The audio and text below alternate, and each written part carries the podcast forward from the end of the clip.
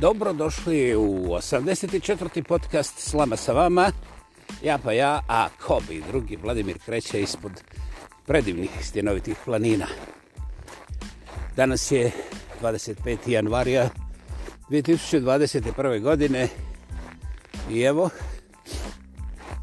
bada nije grko hladno, ipak je bliže minus 20 i nema vjetra, A temperatura je, bože moj, ne bih rekao za bikini, međutim i dalje podnošiva i ovo je otprilike nekakav, ajmo reći, statistički januarski dan u Kravogradu veselome. Ovi dana niko se ne čudi više internetskim čudima. Ja slušam vijesti u takozvanom real streamingu, jeli, iz tih naših regionalnih krajeva. I dakle, danas je 25. da samo to podvučem. I jedan od tih centralnih radio jedna od tih centralnih radio stanica danas nadugo i naširoko govori kako se dogodila smjena na američkom predsjedničkom vrhu. Da li tu ima šta čudno? Pa nema ljudi, to se desilo prije pet dana i vijesti kako su ovi prezentirali, pokazali i govorili odnose se na sve ono što bi ja otprilike rekao da sam bio u izravnom prijenosu toga procesa a oni tako tjedan dana kasnije jeli ovaj, mrtvo hladno neobavješten čovjek bi doista slobodno mogao povjerati da se to desilo danas na kraju krajeva ovo nije kritika ja im zahvaljujem jer zašto žuriti možemo mi lijepo gledajući unazad na kraju krajeva ako još uvijek prebrojavamo žrtve iz drugog svjetskog rata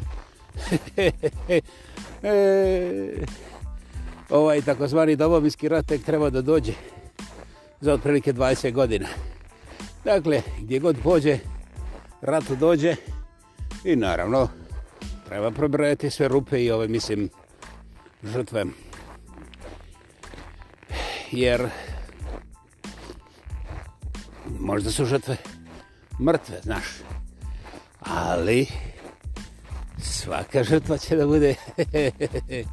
nekoliko puta mrtvo, mislim, dok mi malo ne odlučimo gledati ono što trebamo danas da doista i uradimo. A ovaj, ne znam, ovo može da zvuči svakako, ali e, naša realnost je istinski prebrojavanje žrtava i to iz svih prošlih vremena i mislim kad sam ja ovako razmišljao kažem Bože moj prebrojavanje žrtava, mislim, i stalno nekako unazad, lijevo, desno, nije unazad. Ne znam sam otkrivo zašto su naši svijet, zašto su ti naši narodi regionalni provaci svijeta. Pa ne može žrtva da bude u budućnosti. Jer ne možeš da preskočiš danas, znaš. A danas ta žrtva je još uvijek živa. Dakle, moraš da tražiš u prošlosti, moraš da čeprkaš po tim tamnim prošlim vremenima, ovaj, jer jedino tamo može da se desi žrtva. A ako se ne desi, nađeš neke kosti i napišeš ime i prezime na njima, bože moj, zašto ne, bez veze, šta ćemo prestati da žrtvo njačemo, jeli? ovo je vrlo, bilo vrlo umro pogledavanje stvari. Ono što je još zanimljivije je da ti naši posebno glas religiozni, nema veze koja je religija, gotovo su identični pa neka se vrijeđaju koliko god hoće, A, prije nego što pošle da njaču glasno, ja bih im preporučio da pogledaju malo bolje postulat Boga, odnosno temeljne odrednice gdje kaže da je Bog jedan, da je Bog sveprisutan, da je Bog svemoguć i da Bog nikad nikoga nije podijelio. I da Bog voli sve. I e, to je bilo dosta da se razmišljaju zbog čega i kako smo mi onda uspjeli da se podijelimo tako oštro, grko i vrate krvavo i krvavo, gotovo na svakom koraku.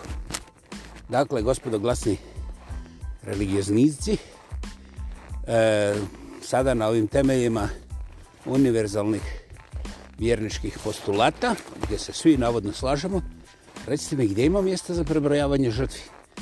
Gdje ima mjesta za beskrajne morbidalizme, morbidalije i morbidalizme, za vrijeme vaših ručaka, dovijenaka, sastanaka, pa čak i ofis razgovora i ne znam već gdje i kako, svakdje uspijete inkorporirati prebrojavanje žrtava. Čemu to služi, gospodo moja? Posebno kad znamo da je Bog ljubav, milosrđe, ali i snaga oprosta ja nisam rekao snage isturanja vrate ili oštrenja noževa, nego oprosta. I na kraju krajeva, ako vi ne razumijete šta je oprost, onda hvala što mene optužujete, ali znaš, kad se poropneš na zadnje noge, počneš da njačeš, vrištiš, onda je kasno da je ljudim upriješ s tim prednjim nogama na mene, jer oni su vidjeli ko je zvijer, znaš. A ovaj, Ono što je posebno zanimljivo sa demokracijom ovoga 21. stoljeća je što god mi mladi lepi trumpisti pokrademo, to ste vi slagali, to je Antifa, to su socijalisti, to su, znaš, a ovaj, komunisti, znaš, sve ta e, lijeva žgadija. Ja bih podsjetio da od najstarijih romena na ovoj planeti mudri ljudi govore da ptica nema samo desno krilo, Uh mhm. -huh. Istom logikom ptica nema samo lijevo krilo. A da, ima još jedna sitnica. Ako imate lijevo i desno krilo, još uvijek nemate pticu. Dakle, pljuckanjem i eliminacijom cijelih segmenata društva, pogotovo kad je to uglavnom izmišljeno da bi sakrili svoje laži, vi propadate u pakao nekakve budućnosti koje je u stvari elementarno sadašnjost iz vrlo jednostavnog razloga. Sa tako prljavim nastupom vi nemate budućnosti. Vi samo zamazujete tragove od bjesomučnog laganja, krađe, otimačine i onda da bi ostavili nekakav izlaz za sebe, sve to priživate nekim ljevičarima, komunistima, kinezima, antifama i ne znam kome. Znate, ono što mene najviše zgražava je takozvana narodna masa, za koju ja ne mogu odrediti je li je lijevo ili je desno, ono doista ne znam, ali svi ti ljudi sve te vaše laži pušu i još plaćaju tebe pretplatu da bi vidjeli kako ćete ih slagati iznova. Mislim, bravo, ja, ja, ja, ja to ne mogu objasniti, ali mogu primijetiti i reći, hej, bravo, Inače, meni ne pada na pamet da se prijavim u Trumpovu akademiju, ča, taman da mi ponude besplatno ili profesorsko mjesto, jer, znaš, um,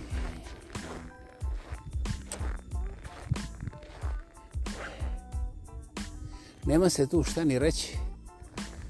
Nema se šta ni reći znaš, kada časna žena prošeta ulicom pored one crvene lampe u Amsterdamu i ona je lijepa i ženstvena i mlađahna i propušna i ima sve živo što preve po žensko može imati, njoj ne pada na pamet da se vrati i za 10 minuta ubije koju stoju eura u kešu.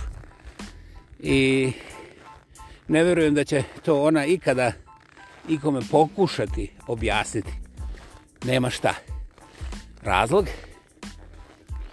Ona nije biznismen od kreveta. I to što je prošla tom ulicom je isto kao što sam ja udahnuo evo još jedan put. Dakle, e, nema poveznice u smislu toga krevetnog biznisa čak ni u primisli. Dakle, da li sam ja osudio drugarice koje tamo rade? Ne, nisam. Ja sam samo rekao da reki ljudi imaju vrlo jasne odluke šta hoće, šta žele i gdje idu. I u skladu s tim, oni ne dozvoljavaju da im nekakav Trump ispriča zilijarde promašenosti pa onda da bježe kad se kockice ne poklope kao što je veliki tata planirao. Da. Ljudi još uvijek lažu jer vjeruju da mogu pobjeći.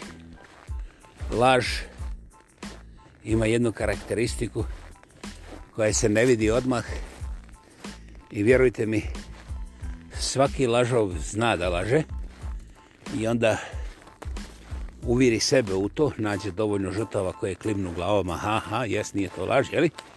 I onda oni apsolutno vjeruju u tu laž. Međutim, duboko u sebi znaju od prvog do zadnjeg momenta da su slagali.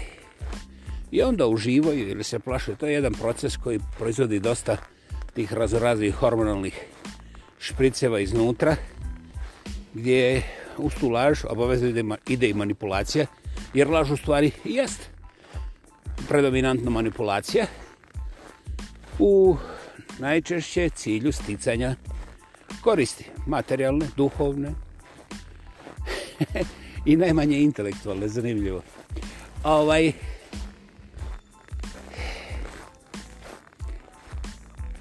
ali ja moram reći lažovima nešto, jer ja sam lagao u životu. Naravno, nisu mi dopustili da lažem iz predsjedničke fotelje. Kupu smo kiseli, kako su mi to zabranili, to, to mi je jasno. A, ovaj, dakle, može se laganjem čak i do carske stolice i, i do predsjedničke stolice sve skupa.